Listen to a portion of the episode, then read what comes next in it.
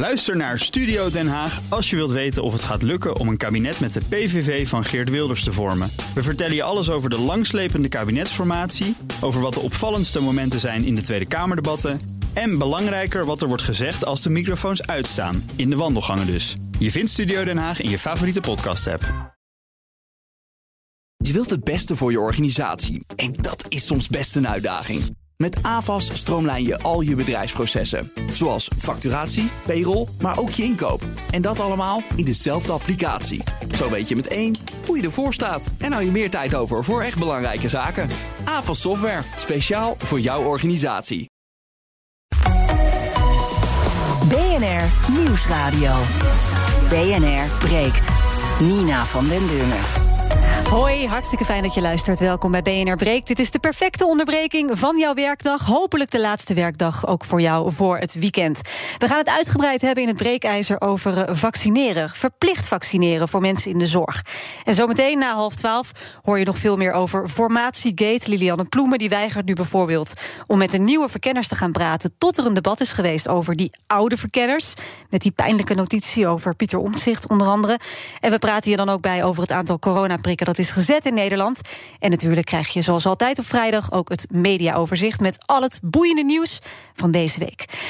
Vandaag is er natuurlijk weer een panel. Daarin uh, zitten Monia Ouari, founder van Groei IT. Goedemiddag, nee, ochtend nog, uh, Monia. Hey, goedemorgen. Goedemorgen nog. ja, toch, nog net. Bijna uh, middag, bijna ja, middag. en jij bent niet hier, helaas, vandaag. Maar ehm, normaal wel, hè? Vanuit Rotterdam. Ja, ja, nou ja, en iemand die nu helemaal kapot de studio binnenkomt stiefelen... dat is Nicky Papilaya, videocontent manager bij het AD. Hij moet nog even een plopkap rondom zijn microfoon pakken. Nou, welkom. Je komt hijgend binnen, want ik begreep dat jouw trein ietsje vertraagd is. Zet gauw je plopkap op je microfoon. En zeg maar even hijgend goedemorgen tegen alle luisteraars van BNR. Goedemorgen. En ga lekker zitten. Ook bij me is uh, Roland Pierik, universitair hoofddocent rechtsfilosofie aan de UvA. Welkom, Roland. Goedemorgen. Ja, we hebben jou uh, niet voor niets ook uitgenodigd. Want uh, vakbond CNV die heeft de afgelopen tijd tientallen klachten gekregen van mensen die werken in de zorg. Hè, en die dus vooraan staan wat betreft het vaccineren. En ja. zij klagen over een beetje dwang en drang vanuit de werkgever. Zij voelen een druk dat zij verplicht die vaccinatie moeten nemen. Zo nee, dan, uh, ja, dan wordt er gedreigd met misschien een loonkorting of verplaatsing van werk. Hè, dat je toch tijdelijk misschien even ander werk moet gaan doen. Of zelfs met ontslag. Wat vind je daarvan? Nou ja, die verplaatsing van werk kan ik me heel goed voorstellen. Als je als zorgmedewerker met heel kwetsbare mensen werkt. Het gaat alleen dus om die mensen die echt met kwetsbare mensen werken. Mhm. Uh, en als je dan niet jezelf wilt uh, beschermen tegen, tegen die ziekte en jezelf wilt vaccineren, dan kan ik me voorstellen dat je werkgever je tijdelijk ergens anders neerzet. Ja, ja. Dat, dat, de werkgever en zowel de werknemer hebben een zorgplicht naar de kwetsbare mensen waarmee ze mee werken. En ja, als je niet wilt als vaccineren nodig is en je wilt dat niet, ja, dan, dan kan dat consequenties hebben. Ja, nog even terug naar uh, de klachten die CNV krijgt. Sommige meldingen van werknemers hebben te maken met emotionele druk vanuit de werkgever. Dan wordt bijvoorbeeld de vraag gesteld: hè, ben je niet bang om je collega's of je patiënten te te besmetten. Maar we krijgen ook meldingen uh, waarbij er bijvoorbeeld is gedreigd tot het inhouden van salaris op het moment dat iemand zich niet laat vaccineren. Dat zei Anneke Westerlaken van uh, CNV. En daarbij ook je eigen collega's, die snappen niet altijd als jij zegt nee bedankt. En wij merken ook wel dat er niet altijd begrip is richting collega's die hebben besloten om welke reden dan ook om zich niet te laten vaccineren. Dus wij voelen soms druk vanuit de top in de organisatie, maar ook regelmatig van collega's. Delicaat onderwerp dus vandaag in BNR Breekt. Wel of niet verplicht vaccineren voor mensen in de zorg. Daarom hebben wij... Het BNR Breekijzer is dat dus. Het breekijzer van vandaag is: werk je met patiënten, dan is vaccinatie verplicht. Bel me 020 468 4 keer 0 Dan praat je live mee in de uitzending. Ik heb al een paar bellers, ik kom zo bij jullie. Eerst even, even benieuwd naar Nicky. Nicky, zeg jij eens wat jij van het breekijzer vindt. Ik, uh, ja, ik vind het heel moeilijk. Ik vind het een lastig onderwerp. Maar ik denk zeker wel dat je daarvoor kan argumenteren dat het wel zou moeten zijn. Ik denk wel dat de zelfbeschikkingsrecht super belangrijk is voor iedereen. Maar Mhm. dat, dat jouw zitten kan niet iemand anders recht in de weg zitten. En als je in de zorg werkt, dan, ja, dan heb je met die mensen te maken met een zwakkere gezondheid. Dus dan moet je helaas toch wel ervoor kiezen om misschien je eigen vrijheden op te geven. om dan toch iets verplicht te gaan doen. Dus jij zegt ja, verplicht als je met patiënten werkt, verplicht vaccineren. Monia. Ja, ik uh, eerlijk gezegd, ik zou zeggen nee. Want uh, uiteindelijk het is je eigen lichaam. En ik vind dat recht hou je bij de mensen en niet bij de werkgever. En ik snap natuurlijk, je werkt met kwetsbare mensen en je moet voorzichtig zijn. Maar als je kijkt naar de ontwikkelingen en wat er gezegd wordt, is dat in de toekomst krijg je nog meer van dit soort pandemieën. Dus je krijgt straks nog meer problemen. Ja. En uh, dan is de vraag: ga je dan weer allerlei mensen vragen om verplicht alles te vaccineren? Nee, ja, maar niet allerlei mensen. Het gaat om echt mensen die werken. Ja, met in de zorg. Ja, dat snap ik. Alleen ja, de ene patiënt is kwetsbaar en de andere minder. Maar ik vind niet dat je dat moet verplichten. En ik vind al helemaal niet dat je salaris mag inhouden. Want wat is er dan gebeurd met de recht van vrijheid en dat je iets te zeggen hebt over je eigen lichaam? Dat, dat valt dan wel weg. Mooi, een panel dat het niet met elkaar ethiek- eens is. Ja, Ja, precies. ethiek, ethisch gezien vind ik het gewoon niet kunnen. Oké, dat is helder. Roland, dan mag jij jouw mening nu geven. Ja, ik denk dat eh verplichting van vaccinatie dat dat niet aan de orde is. Want het gaat inderdaad om de integriteit van het lichaam, dat je die niet zomaar mag schenden. Ik denk wel dat, eh dat, het, dat je mag weg worden gehaald bij de afdeling als je met kwetsbare mensen werkt, als je niet wilt vaccineren. Ik vind het ook wel terecht als, je, als die werkgever echt geen plek meer voor jou heeft, dat op een gegeven moment een ontslagprocedure wordt ingezet. Maar ik wil het eigenlijk ook over die, over die zorgmedewerkers hebben. Ik snap niet zo goed. Die, die vaccins zijn goed onderzocht. Ja? Daar is, zijn, die zijn op duizenden, duizenden, duizenden mensen getest. Uh, allerlei mensen die er veel verstand van hebben, die zeggen dat die vaccins effectief en veilig zijn. Wat kan een verpleegkundige dan. Wat is dan nog het argument van een verpleegkundige om te zeggen van ja, ik vertrouw het toch niet? Juist verpleegkundigen, Ja. mensen die in de zorg werken, die zouden dan daarin mee moeten gaan. Die hebben ook een voorbeeldfunctie. Dus ik, ik snap eigenlijk de hele discussie niet zo goed. Monia? Ja, maar het klinkt heel rationeel.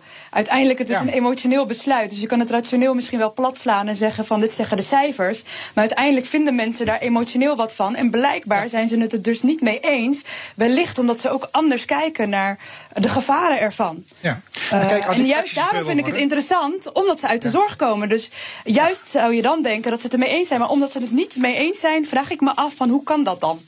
Ja, maar kijk, als ik taxichauffeur wil worden en ik zeg van, ik wil ontzettend graag taxichauffeur worden, maar ik ga niet mijn rijbewijs halen, dat is tegen mijn principes in. Dan zou toch iedereen begrijpen dat ik geen taxichauffeur kan worden? Ja, maar ze waarom appels zou, met peren vergelijken. wa- waarom is eh, het appels met peren? Wat is het verschil? Wat is, wat is Omdat het verplicht is vanuit de wet om een rijbewijs te hebben. Dat Ja. is gewoon een verplichting. Dus daar, is, daar valt niet over maar te dit, maar discussiëren. dit kun je verplichten in de wet. Dit kun je Dat natuurlijk kun je, regelen. maar dat is dus nu niet zo. En daar komt de weerstand. Het is niet het geval. Ja. Dus je mag daar vanuit beide kanten wat van vinden. Jongens, er wordt massaal Eh, gebeld. ja. Laten we dat eens eerst eventjes... Ik ben heel eh, benieuwd naar de andere mensen. een aantal bellers erbij halen. Eh, als eerste heb ik iemand die zijn naam niet wil zeggen... maar van wie ik begrijp dat hij in de zorg werkt. Goedemorgen. Goedemorgen. Zeg het maar. Ehm, ik vind het een, een beetje kromme redenering. Omdat het gaat bij vaccins dat je zelf beschermd worden. Dus als die kwetsbare persoon ingeënt is, heeft hij niks te vrezen. En dan wordt hij er niet meer heel erg ziek van. En als je zorgmedewerkers, waar toch al een enorm tekort aan is, gaat verplichten terwijl een aantal het niet willen, Mhm. omdat het toch niet goed onderzocht is. Ze zeggen Ja, wel. dat is maar zelfbeschikking, maar heel veel mensen zijn nog niet ingeënt. En daar zit natuurlijk nu een beetje het, de crux. Zorgverleners zijn als eerste aan de beurt. Je, hè, de zorgverlener mag als eerste kiezen of je gevaccineerd wordt.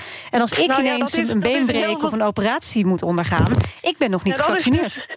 Ja, dat is een punt. Eh, bijvoorbeeld operatieassistenten staan achter in de rij om gevaccineerd te worden. Dus dan geldt die reden al niet meer. Jij bent operatieassistent, begrijp ik. eh.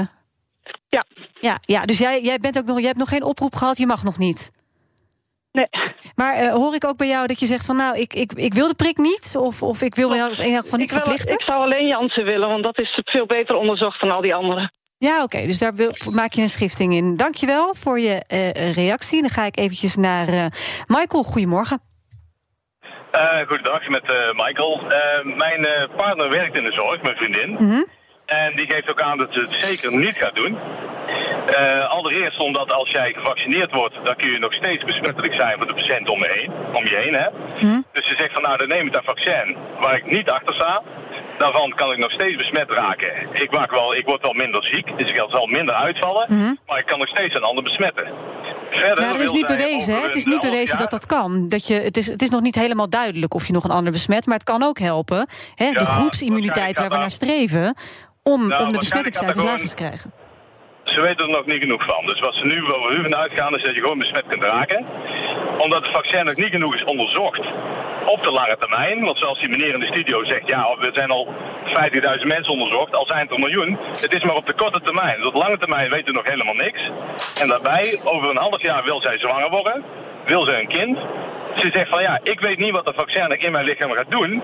Dus ik ga, ik ga het risico niet nemen. Plus, mensen in de zorg, ik ken er heel veel, die praten ook met artsen. Die een heel ander geluid laten horen over de lange termijn werkingen en of het wel veilig is. Gaan En daarom- ik weet zeker dat veel mensen het dus niet gaan doen. Maar mensen moeten zelf weten of ze het doen. Daar heb ik geen oordeel over. En als je in de risicogroep zit, dan moet jij het gewoon pakken. Als jij denkt van, het risico is te groot, ik doe het. Zo, mijn ouders doen het ook. En ik doe het zelf, ga ik het ook niet doen. Helder, dankjewel. Ik ga dit gelijk even voorleggen aan eh, Roland. Roland. Ja, kijk, ehm, alle vaccins zijn even goed onderzocht. Alle vaccins die zijn goedgekeurd op de markt, die zijn uitgebreid onderzocht. Dus het is niet zo dat het ene beter onderzocht is dan het andere. Ehm, ja, we weten niet wat de lange termijn van vaccins zijn, maar eh, er worden ontzettend veel vaccins gezet elke dag. En eh, er is geen enkele reden om aan te nemen dat die vaccins een lange termijn negatief effect hebben. Ja, je kunt daarop wachten. Maar ja, het korte termijn van niet vaccineren is dat je de ziekte kunt krijgen, anderen kunt besmetten en doodziek kunt worden. En is dat inderdaad nog een, een vraag van kun je nou wel of niet anderen besmetten? Want daar, daar wordt nog onderzoek naar gedaan. Hè? Je bent gevaccineerd, maar kun je dan nog wel anderen besmetten? Want dan, ja, dan kan ik me voorstellen dat zorgpersoneel zegt van nou, ik sta er niet om te springen en als ik het wel neem, kan ik nog steeds anderen besmetten. Ja, dit vaccin is minder goed dan bijvoorbeeld het vaccin tegen mazelen. Als je dat genomen hebt, dan kun je anderen absoluut niet meer besmetten. Dan ben je steriel, zoals dat heet. Bij dit vaccin is dat minder evident. In ieder geval, wat we nu weten, is dat je de eerste maanden na vaccinatie een stuk minder besmettelijk bent voor anderen. Wat het lange termijn effect ervan is, weten we nog niet. Maar eh, juist ook om deze reden. Eh, zelfs als het niet 100% eh, beschermt tegen besmetten van anderen, dan nog is het heel goed om te vaccineren, zowel voor jezelf als voor die mensen om je heen. Want in ieder geval, in het begin ben je veel minder besmettelijk voor anderen. Mevrouw Brius, goedemorgen. Mevrouw Brius. Hi, goedemorgen. Hallo. U werkt ook in de zorg. Ehm, ja, ja, dat klopt inderdaad. Ik zelf ben gevaccineerd. Ehm, ik werk met, ehm, met, eh, eh, met andere eh, collega's uiteraard. Eh, en ik heb eh, collega's die niet gevaccineerd zijn. Ik heb eh, een collega die er zelfs voor heeft gekozen om patiënten niet te vaccineren, omdat ze zich daar niet goed bij voelt. Ja. Ik denk dat we er goed aan doen om mensen in hun, in hun waarde te laten. Ehm, we hebben al een heel erg tekort aan goede medewerkers in de zorg. Dus ik denk dat we daar ehm, ehm, verstandig aan doen om daar begrip voor te tonen. Maar zie jij ook dat zij in de praktijk met minder begrip worden behandeld? Ehm, nee, bij ons niet. Nee, want eh, vanuit de regie is daar ehm, gewoon begrip voor. En ik, eh, vanuit de arts ook ehm, is, is het een en ander meegegeven dat, dat we er eigenlijk vanuit moeten gaan. Dat, dat het een kwestie van tijd is voordat er een volgend, volgend virus komt. En dat het voornamelijk van belang is dat we er als maatschappij aan gaan wennen. Dat, dat we maatregelen als mondkapjes, handschoenen en, en afstand houden. Ehm, standaard eh, eh, moeten houden bij onze werkwijze. Ja. Dus en hoe kijk jij dat- naar de voorbeeldfunctie van, van zorgpersoneel? Hè? Jullie zijn zeg maar met, met de echte oudere generatie de eerste die eh, de vaccinatie kunnen krijgen. Als, als Ja. meerdere mensen binnen de zorg zeg maar, het vaccin al niet vertrouwen, waarom zou ik, de argeloze, onwetende burger, dat dan wel doen? Ehm, ja, eh, goed punt. Ik, eh, ehm, eh, ik denk dat er te veel nadruk wordt gelegd op de, op de mensen die het niet doen. Ik denk dat er heel veel eh, collega's zijn, heel veel eh, mensen in de zorg die, die zich wel laten vaccineren, die niet die angst ervaren. Ehm, ja, het is aan ieder om, om, om een eigen voorbeeld daaraan te nemen. Dus of de arts die zich wel laat vaccineren, of de arts die het niet doet. Ja, ik denk dat, dat we er goed aan doen om mensen daar vrij in te laten. BNR breekt. Nina van den Dungen. We zijn nog volop in het breekijzer met nog heel veel bellers. Werk je met patiënten, dan is vaccinatie verplicht. 020 468 4 keer 0 Ik ga naar Lex. Goedemorgen. Goedemorgen. Zeg het maar. Nou, eh, mijn dochter die werkt in de zorg. Die heeft collega's die geen geloofsovertuiging hebben. Die doen het niet. Eh, mijn dochter heeft wel een geloofsovertuiging. Plus dat ze een kinderwens heeft. Eh, die zegt, ik doe het niet. Eh, ik vind dat niemand je kan verplichten in Nederland, waar dan ook, om je te vaccineren. Ik denk dat dat... En mag je dan wel met patiënten werken? Of moet je dan misschien tijdelijk even ander werk gaan doen?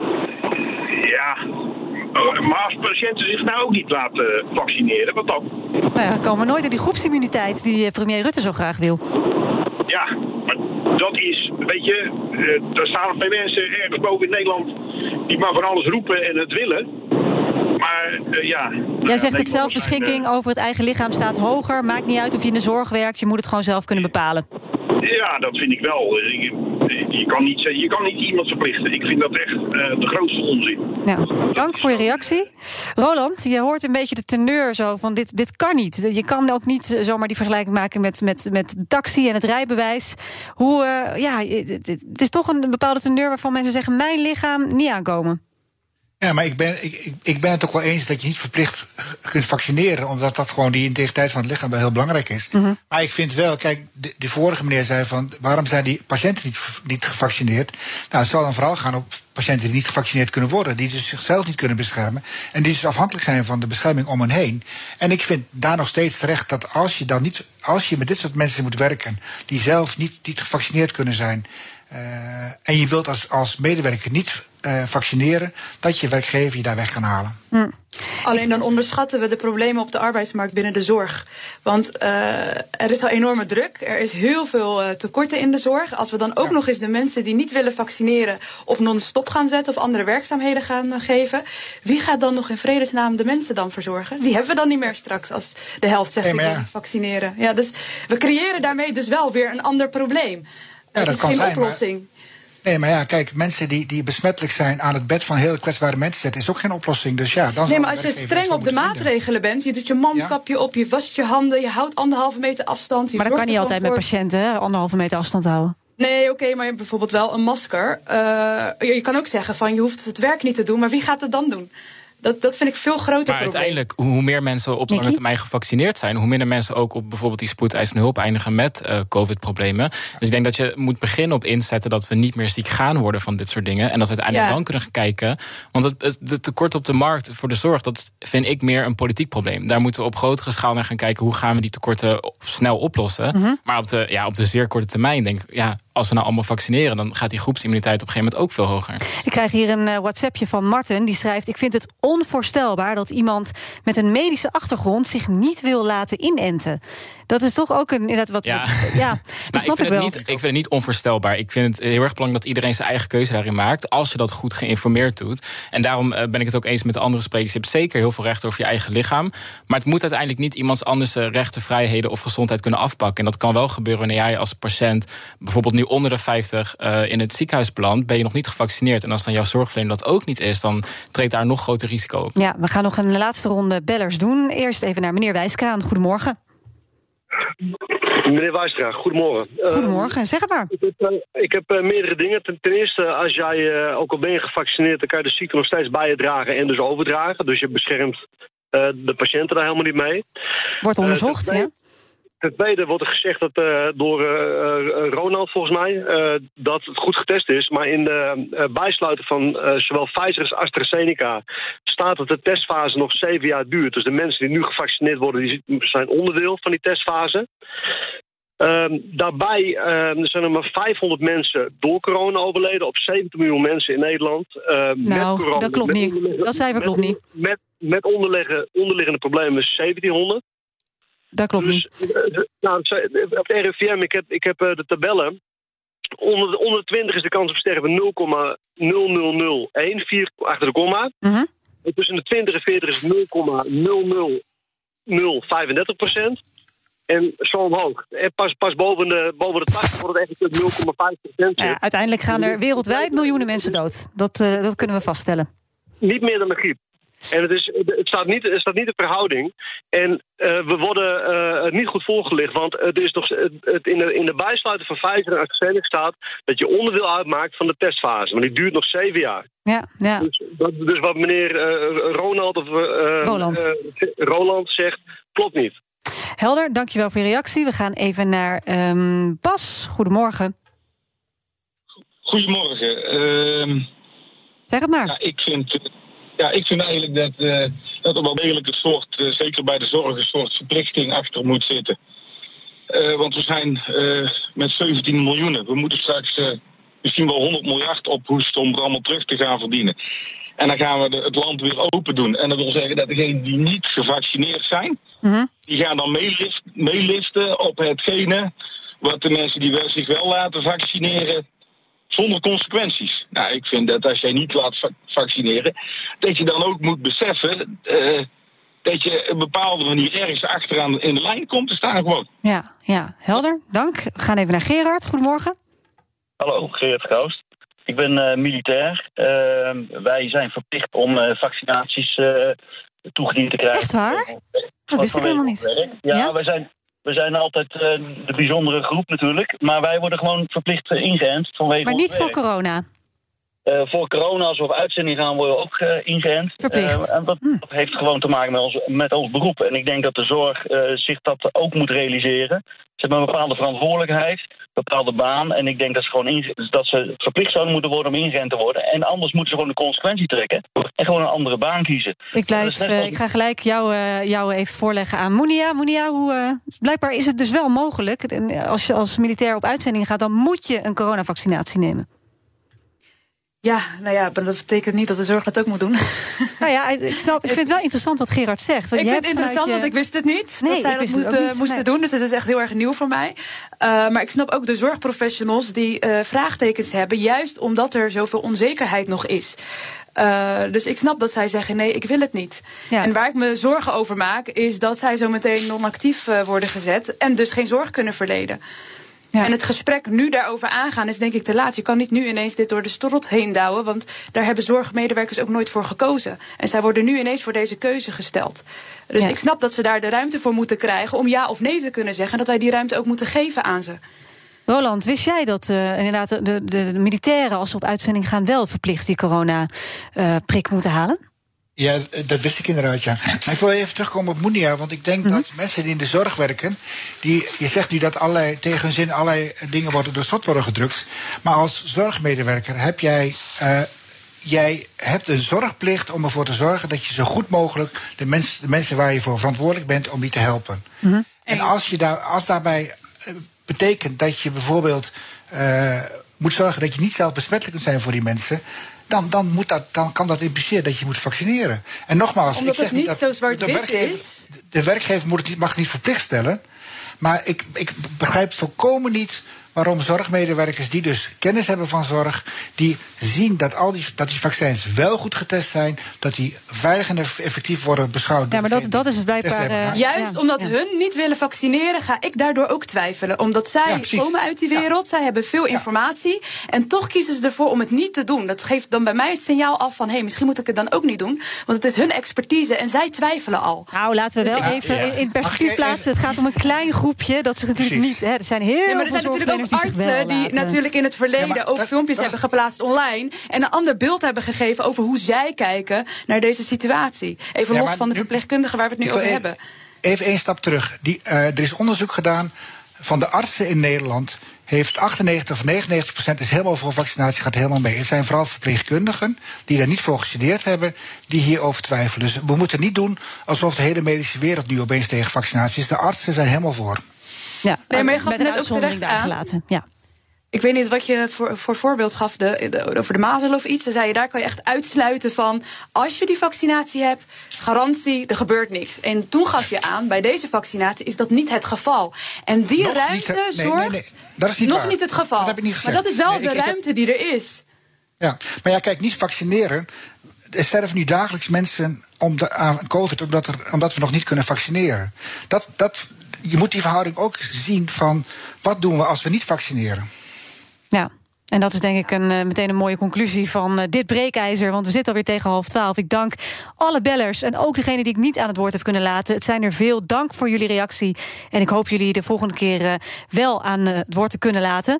Ehm, Roland, ja, ook veel dank voor jouw mening. Ik vind het altijd fijn als er zoveel tegengestelde meningen zijn. Nicky, ben jij nog bijgedraaid van jouw mening? Nou, ik zweef nu echt een beetje tussen kanten doorheen. Ja, ik, ik zie het vooral meer... Ik, ik wil gewoon heel graag naar een festival. Ik wil op vakantie kunnen gaan. En als er ooit het risico bestaat dat er wordt gevraagd om een vaccinatie... dan had ik hem liever gisteren nog gezet. Helder. Roland Pierik, universitair hoofddocent rechtsfilosofie aan de UvA. Veel dank voor jouw analyse en jouw expertise. Ik praat zo meteen door met mijn panel onder andere over Formatiegate en het mediaoverzicht. Tot BNR Nieuwsradio.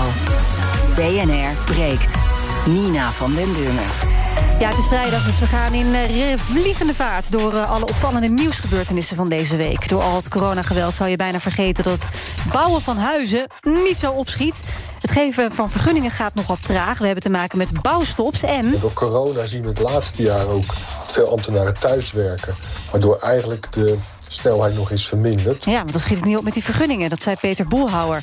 Een mooi nieuw woord deze week, de testreis. Want na concerten, festivals, voetbalwedstrijden... wil het kabinet nu ook bekijken hoe we straks veilig op vakantie kunnen. Daarom mag de reisbranche een proefreis naar Rodos organiseren. En het wordt ook wel een speciaal reisje, zegt Matthijs ten Brink, CEO van Sunweb. Het wordt allemaal bij het protocol, ook uh, alle maatregelen daar zijn ter plekke genomen. Dat is natuurlijk ook voor ons de belangrijkste reden om dit te gaan doen. Is om al die procedures die we in de afgelopen jaar hebben ingevoerd... ook echt te testen. Niet alleen of het coronaproof is... maar ook natuurlijk of het voor de klanten goed werkt. En uh, meer dan duizend aanmeldingen ook. Die gaan niet allemaal naar Rodos, hoor. Ook deze week een hoop gedoe over onze vaccinatiestrategie. Want het moet allemaal sneller. Maar vaccinatiegezant Hans Schikkan gaf in Nieuwsuur aan... dat we niet 1, 2, 3 naar de vijfde versnelling kunnen. Nou, het productieproces van een vaccin is uitermate complex. Daar gaat veel tijd overheen. Dan praat je al gauw over zes tot negen maanden... voordat je zo'n traject echt op de rails en op de lijnen hebt staan. Iets anders dan als de regering niet met extra geld over de brug komt... dan moet de politiek gaan kiezen welke taken de politie moet laten vallen. Gerrit van der Kamp van politievakbond ACP schetst een somber beeld. De politiek geeft uiteindelijk de geldelijke middelen... voor watgene wat de politie moet doen. Ja. En op het moment dat je dan geld tekort komt... dan zal je als politie terug moeten naar de politiek... en moeten zeggen, u moet gaan kiezen. Ja, keuzestress dus. En dan nog even naar wat er gisteren gebeurde. Een zware dag voor Pieter Omtzigt onder andere... het Tweede Kamerlid van het CDA. Hij zit al weken over, overwerk thuis. Zou te veel hooi op zijn vork hebben genomen. Thomas van Groningen, onze politiek verslaggever... schetste ook een ander scenario. En we weten ook, dat is uitgelekt... dat in de ministerraad er echt gesproken is over...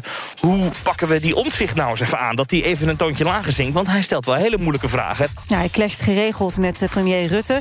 Alsof het niet erg genoeg was, zat Pieter Omzicht niet veel later... en onbedoeld in een enorme rel dus op het Binnenhof. Dat gebeurde gisteren. Kajsa Olongren als verkenner had haar geheime papieren... naar buiten toe gericht onder de arm. En er lekte een foto van uit van een ANP-fotograaf. De woorden waren daar te lezen Pieter Omtzigt, functie elders.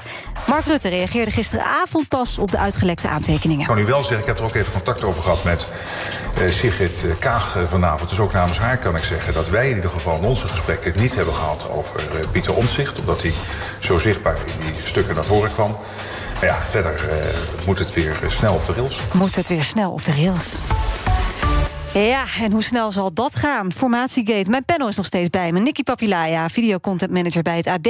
En Monia Ouari van Groei IT. Nikki, hoe heb jij gisteren gekeken naar uh, Formatiegate op het Binnenhof? Dramatisch. Ik vond het een beetje uh, ja, van die Amerikaanse praktijken. Dat er, dat er, spannende dingen gebeuren op ons binnenhof. Dat, ja, dat zie ik niet heel vaak. En ik vond vooral, ja, die foto vond ik echt hilarisch. En ik vroeg me daar als eerste af... als jij dan die, die, ja, die, uh, die, die gouden foto hebt genomen ja, kan je daar nog aan verdienen dan? Ja, natuurlijk. Ja, ze stonden, ja, Iedereen staat dan in de rij voor jouw prachtige ingezoomde foto. Reken maar, ik denk dat hij zijn jaarsalaris binnen heeft. Ik hoop het voor hem. Maar is dat dan ook bewust? Want je weet toch dat iedereen op je aan het letten is. Waarom loop je dan zo naar buiten? Nou, dat, dat is dus. Nou, ik kan gewoon commotie. Ja, ik kan, kan me niet voorstellen dat dat per ongeluk is. Nee, Monia, waarom ja, maar het niet? gebeurt dus nee, best joh. vaak, hè? Er zijn ja, meerdere dan denk foto's ik, je daarvan. weet dat het geheim is. Je weet dat je daar zorgvuldig mee om moet gaan. Je hebt gewoon een tas bij je. Waarom kies je ervoor Nou. om dan langs journalisten met al je aantekeningen te lopen? ik denk dat het een stressmoment was. ze Want zij hoorden in de, in de stadhouderszaal dat ze corona heeft. Dat hoorden ze daar. Dan schrik je je kapot. Want dan denk je, ik moet hier nu weg. Want ik kan mensen besmetten. Dan grijp je je papieren bij elkaar en storm je naar je dienstauto. Is dat niet gewoon wat er is gebeurd, Monia? Ik hoop dat dat. eh, de, ik hoop het wel, ja. Maar ik merkte wel aan mezelf dat ik dacht, ja, ik weet niet hoor. Ja, ik- Wat zou ze ermee winnen dan, Olongren? Want ze is maar verkennersbaantje schade aan kwijt. haarzelf natuurlijk. Ja. Aan de Ja, reputatie. st- ja, ook. Maar wellicht ook eh, hè, nu ze zeg maar, aan het eh, onderhandelen zijn en bezig zijn met de formatie en het op een gat ligt. Ik weet het niet. Misschien dat de aandacht er ergens anders naartoe gaat. In plaats van het feit dat zij daar zit terwijl zij positief besmet is. Eh, ik weet, ik heb geen idee. Ik ben een beetje aan het gissen, maar ik had Ja. er wel een. eh, Nicky, heb jij het idee dat ze er ook bij. maar iets positiefs uit zou kunnen halen voor Olongren? Nee, of dat is, dat is D66? echt een blunder natuurlijk. Dat, dat kan je echt niet maken. Maar het is natuurlijk al vaak gebeurd. Er zijn ook best wel veel foto's van politie die het al vaker hebben gedaan. Ja. Dus ik, ja, het is echt, ik zie het mezelf ook doen als ik in haar schoenen had gestaan. Ja, echt? Ja, ik ben ook heel slordig. Ik, zou, ik loop ook zo met mijn spullen altijd overal weg. En zeker als je een stressmoment hebt van... ah, ik heb corona, ik moet Ja, hier ik nu weg. waarschijnlijk laten liggen of laten vallen in de gang. Nou, dat was beter geweest. Dat was, nou, het laten liggen was Dan was beter het binnen geweest. gebleven. En alsof de soap eh, gisteren nog niet spannend genoeg was... eh, komt er ook vandaag natuurlijk weer allemaal updates. Zo meldde Lilianne Ploemen van de PvdA. Een, eh, eh, een brief schreef ze aan de nieuwe verkenners... eh Koolmees en eh, wie was er nog meer, Tamara van Ark... dat zij zegt, ik ga niet met jullie praten... ik ga niet met de nieuwe verkenners in gesprek... totdat er een Kamerdebat is gevoerd over wat er is gebeurd. Nou is dat op zich misschien een beetje... ik weet niet of je het hebt gevolgd, eh, Nicky... maar ze zitten ook in quarantaine, dus Ja. ze schuift vandaag toch wel niet aan. Ja. Maar is dit een sterk statement van Ploemen? Dat ze zegt: nee, nee, nee. Eerst gaan we in de Kamer bespreken. en misschien verantwoording vragen wat er is gebeurd. Ik vind het wel terecht, want wat erin stond, dat kan natuurlijk echt niet door de beugel. Dus we Over wel- omzicht, vooral. Ja, dan. ja, nee, absoluut. Dat is natuurlijk gewoon heel kwetsend ook. Als je dat soort dingen dus blijkbaar zonder Rutte en Kaag zelf daar hebt opgeschreven. Dus ik vind het heel terecht, ook naar, naar ons. Want het zijn natuurlijk wel onze volksvertegenwoordigers. Dat wij gaan horen wat er nou precies in die gesprekken allemaal heeft plaatsgevonden. Ja. Al vind ik het dan wel natuurlijk een beetje een mooi politiek statement. Want je bent wel meteen weer de eerste van links die dat zegt. Dus dan trek je wel weer de kar met... eh, ja, Slim toch? wij gaan voor Slimme rechtvaardigheid. Dus eh heeft ze heel slim gedaan. Ja. Monia, terecht dat ze dat doet? Ja, eens. Ja, terecht. Ik vind ook dat, eh, dat ze helderheid moeten geven. Want anders dan eh, gaan wij zelf het verhaal verzinnen. Hè, omdat we die statements zien staan. Dus ik vind dat ze ons ook inzicht moeten geven. En ik, ik verwacht ook gewoon een open en transparant kabinet. En omdat ik die wantrouwen heb richting hun... vind ik het juist belangrijk dat ze die toelichting gaan Maar geven. hoe vonden jullie dan die reactie van Mark Rutte gisteravond voor de camera van de NOS en RTL? Hij zei gisteren te- tegenover de camera's dat hij eh, het absoluut niet was. Hij, hij was niet degene die begon over de positie van omzicht. En hij zei ook: ik had ook Sigrid Kaag aan de lijn. Die was het ook niet en dat moest ik van haar ook doorgeven.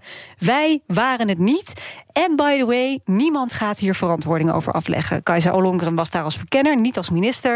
Een verkenner hoeft niet in de Kamer verantwoording af te leggen. Dus nee, we moeten nu zo snel mogelijk weer op de rails, zoals Ik we het net hoorden zeggen. En het, in, in het verleden heeft al laten zien wat dat voor schade kan brengen. Ook met bijvoorbeeld Ja. het toeslagenschandaal. Je moet transparant zijn over dit soort dingen. Ook al zijn het dan geheime documenten. Maar ze lekken uit, dus mensen hebben ze. Wees er dan eerlijk over. Moet hij dat doen of moet Kajsa Ollongren dit Absoluut. doen? Nee, dat moet echt Mark Rutte doen. Hij is uiteindelijk de premier. Ik zie dat als gewone burger. Is dat de verantwoordelijke voor mij? Ik heb niet veel verstand van de politiek. Maar ik kijk naar hem. Als ik kijk naar een leider. Kan het dan wel niet met hem eens zijn. Maar ik wil wel van hem horen. Wat heeft daar plaatsgevonden? Wie heeft wat gezegd? En waarom is het gezegd? Ja, dus hij moet hier het woord voeren voor, eh, voor Kajsa Ollongren. Monia, Zeker. vind jij ook? Ja, dat wekt vertrouwen ook. Zeker nu in deze fase waar we met z'n allen zitten. Als dit soort dingen dan ook gebeuren en vervolgens dat eh, er ook op Twitter, weet je wel, reacties vanuit de Tweede Kamer van dit kan echt niet. Dat zegt ook iets over de onrust daar intern. Dus ik vind dan, vertel het verhaal. Waar hebben we het over gehad? Hmm, Ehm, al is het maar een discussie.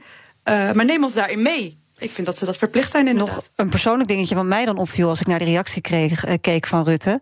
Ik miste compleet medeleven van Rutte met omzicht. Hij zei niks over van ongelooflijk eh, erg en vervelend dat dit over een Kamerlid wordt gezegd. We, eh, dit, dit, dit heeft Pieter helemaal niet verdiend. Nou, Eh, ik van hem ook niet verwacht hoor. Want hij Nee? doet niet heel vaak meeleven met andere Kamerleden die onder vuur liggen. Dat maar had hij dat hier niet keihard moeten had doen? hij moeten doen. Maar dat heeft hij in het verleden ook niet altijd gedaan. Dus ik had het van hem ook niet per se verwacht. Ik had meer duidelijkheid verwacht. Dat hij een soort context zou geven. En wat stond er in de wie heeft het gezegd. Maar ja, medeleven. Heel want hij heeft doorheen. waarschijnlijk wel zijn mening over Pieter Omzicht. Dus ja, of hij het gezegd heeft of niet, dat zullen we nooit Zullen niet weten. de beste vrienden hij zijn. heeft- Hij heeft eh, wel zijn mening Rutte. natuurlijk.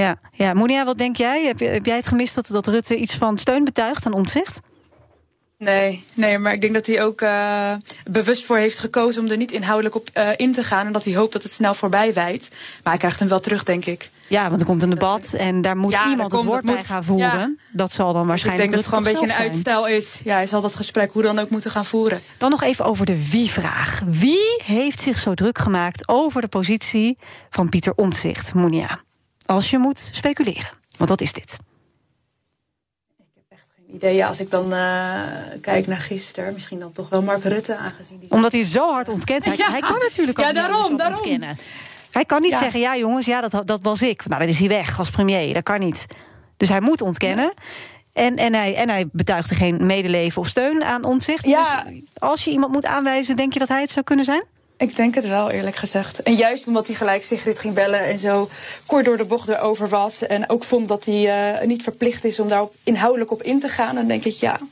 En Hoekstra dan? Verbergen. Is Hoekstra absoluut eh, geen verdachte op jouw lijstje?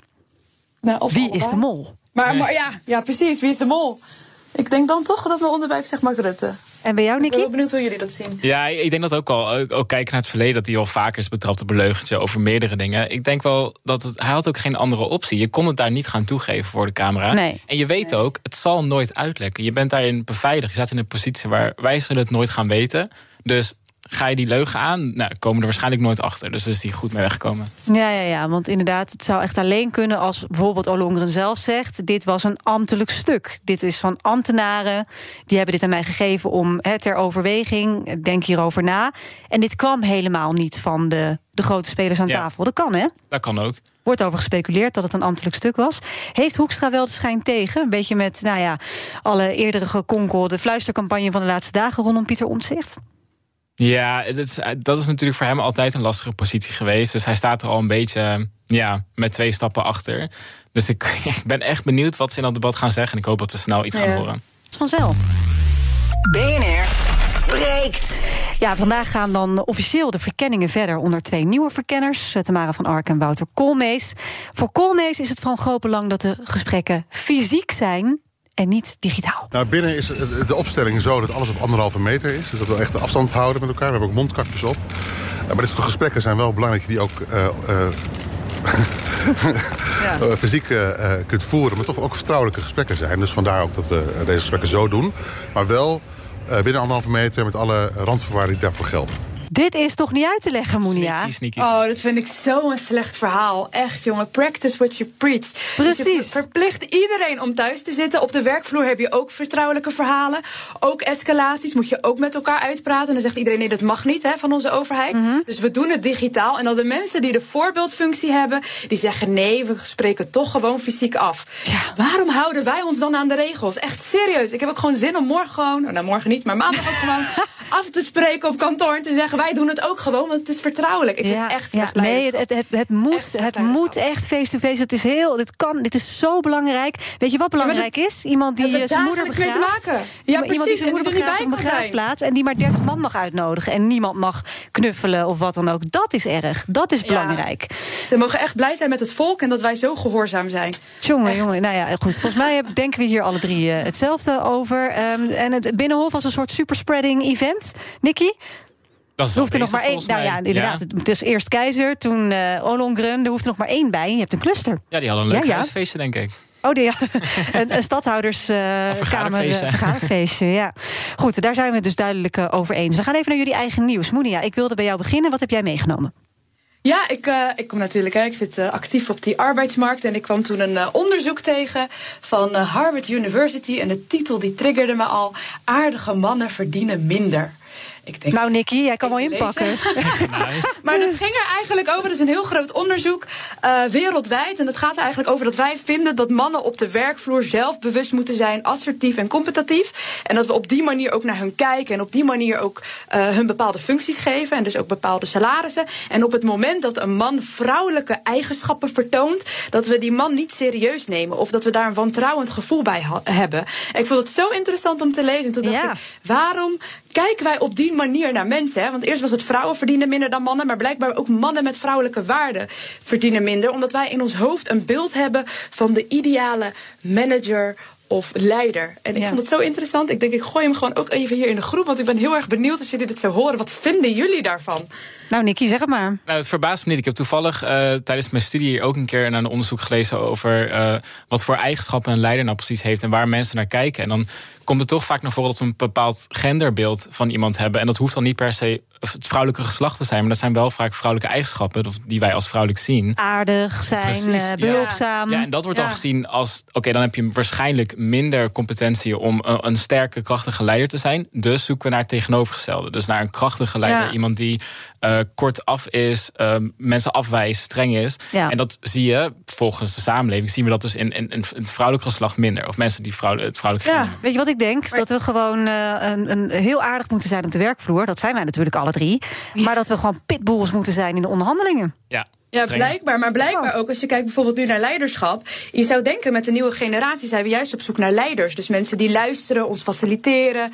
eh, eh, dus die meer die vrouwelijke waarde hebben. En dat conservatieve is toch de manager die micromanaged, taakgericht is, rationeel is. En ik vraag me af, past dat nou echt bij de nieuwe generatie? En waarom, vind, waarom kijken we dan nog steeds Ik op die manier wel. want Als ernaar? je, als je kijkt naar de verkiezingsuitslag, degenen die hebben gewonnen zijn wel dat soort leiders. Dus ik denk dat, Ja, dat wij dan misschien gevoelig toch voor. in die bubbel leven, dat we denken dat het verandert. Ja. Maar dat, eh, ja, op het algemene niveau zijn we niet echt veranderd. Nee, we zijn nog steeds een beetje eh debet aan het dierenrijk, volgens Ja. mij. Nicky, we gaan naar jouw Ja. nieuws. Ja, eh, nou, we, we hebben het waarschijnlijk al best wel veel over gehad. Over de, de politieagent in Rotterdam. Daar zijn natuurlijk een aantal eh, ja, dingen gebeurd, dingen gezegd. Het is overigens niet nieuw voor het politiekorps in Rotterdam. Ehm, ik woon zelf ook in Rotterdam, dus ik, ja, ik volg dat wel echt op de voet. Ik vind dat nieuws heel erg belangrijk. En eh, ik ervaar zelf ook op sommige momenten niet hele fijne interacties met de politie. Ehm, ook op het gebied van preventief fouilleren. Dus ik heb me er altijd wel in verdiept. En toen ik dit nieuws verzag, het ging over, de, over Humaira... eh, dat daar bepaalde dingen over werden Ja, gezegd. dat meisje, Ja. dat is eh, vermoord. Ja, het is natuurlijk heel erg verschrikkelijk. En de dingen die over worden gezegd verbaasden me eigenlijk niet. Maar de reactie daarop wel. En dat daar niet heel streng en hard... Duid dat meteen- nog eens? Want, want dat eh, zullen heel veel luisteraars even niet meegekregen hebben. Nou, ik, ik, ik vind het nieuws dus niet zozeer heel erg verbazingwekkend. Want het gebeurt dus vaker in Rotterdam. Mhm. Ja. Maar de reactie daarop vind ik heel erg jammer. Eh, er wordt niet streng en hard op gereageerd. Er komen van allerlei hoeken komen verdedigingen en nuances. Maar het ging nou niet precies over die of dat. Dus racisme binnen het korps, binnen het, het wordt gewoon goed politiekorps. gepraat. En dat vind ik heel erg jammer. Mensen En wordt de toen- hand boven het hoofd Ja. gehouden. En ik kwam toen een, een tweet tegen uit eh, eh, vorig jaar eh, juni, eh, na, naar aanleiding van een debat met Abu Taleb, de burgemeester van Rotterdam, waarin hij antwoord gaf op, op ja, het politiegeweld, racisme binnen de politie. En daar zei hij dat, dat hij absoluut niet denkt dat er eh aselectief wordt gefouilleerd. Dat Ja. het dus echt. Of dat hij, eh, dat hij dat juist wel vindt. Er wordt eh, at random worden mensen uitgekozen en heeft niks te maken met discriminerende beleidsvormen. En hij zei: mocht dat nou wel zo zijn, mocht dat blijken dat het waar is, dan stop ik er morgen mee. En ja, voor mij, ik denk, ja, ik, ik snap niet hoe je dat dit nog niet goed kan praten. Zet Nee. dan je vacature online. Wat moet er, wat moet er veranderen? dus. Wat, wat, wat, zou, wat zou je nu kunnen doen? Ontslag. En Ja? daar wordt zondag ook voor gedemonstreerd voor het politiebureau op het Marconiplein in Rotterdam. Sta je erbij? Eh, ik ben zelf helaas aan het werk, dus dat kan niet. Ik ben er wel digitaal bij. Ehm, maar ik, ja, ons, ontslag. Want je hebt iets gedaan wat gewoon niet door de beugel kan. Want uiteindelijk, ja, er is zo weinig vertrouwen in de politie in het algemeen. En dat komt ergens door. En ik wil heel graag de politie vertrouwen. Ik wil heel graag dat dat mijn beste vriend Ja. is. Maar ik kan het niet, want constant blijkt dat mensen zoals ik... of mensen die lijken op, op ik, dat die benaderd worden in het openbaar. En dat Ja, zij, mensen van kleur, onder andere. ja, precies. Ja. en dat, gaat, dat kan gewoon niet door de beugel. En je moet daar nu heel hard in zijn. Die mensen eruit kicken. Dat je uiteindelijk Schoon schip het systeem maken. een beetje ververst. En dat er mensen zitten die wel echt verandering willen brengen. Monia, heb jij nog een, een, aanvulling wat je nog meer Nou zou ja, kunnen weet doen? je, ik herken dit helemaal. Ik kom ook uit Rotterdam. En als mijn man in, mijn, eh, in de auto rijdt, hij wordt gewoon serieus drie, vier keer per week aangehouden. En dan Echt bel ik hem en dan zeg ik, waar ben, waar ben je? Hij zegt hij, ja, ze staan weer de auto uit elkaar te halen. Ik rij ASO. Ik heb soms echt, eh nou rijd ik echt te hard. Of dat ik denk, jeetje, doe even normaal. En nou, ze zwaaien altijd naar mij. Is nooit wat aan de hand. En hij gewoon drie, vier keer per week.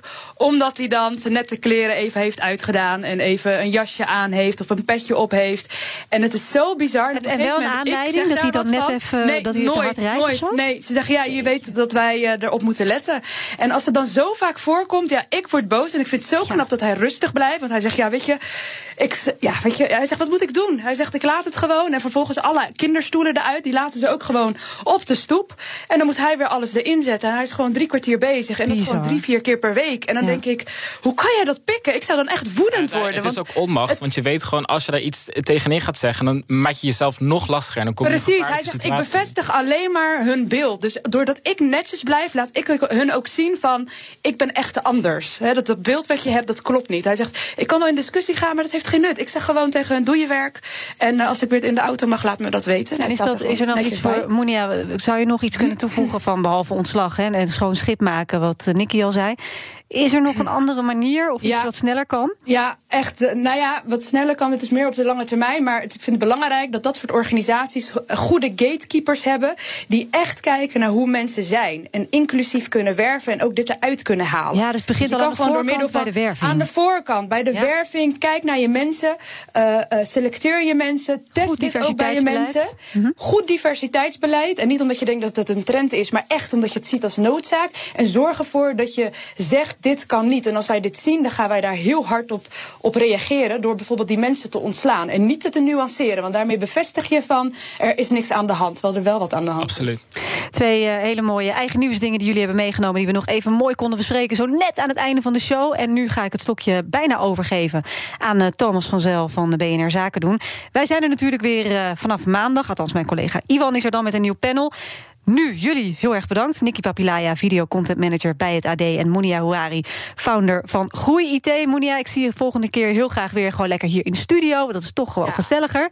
Maar, Woensdag ben ik er weer. Ja, nou, dat is hartstikke fijn. Daarmee zijn we aan het einde van deze BNR Breekt. Dank aan uh, alle bellers, ook natuurlijk alle mensen die hebben gewhatsappt en gemaild. En... Uh, in de tussentijd, dit hele weekend kun je ons volgen op de socials via Twitter, het BNR, Instagram, het BNR Nieuwsradio en natuurlijk via de site bnr.nl. Ik wens je veel plezier met Thomas van Zel en ik wens je natuurlijk ook een heel fijn.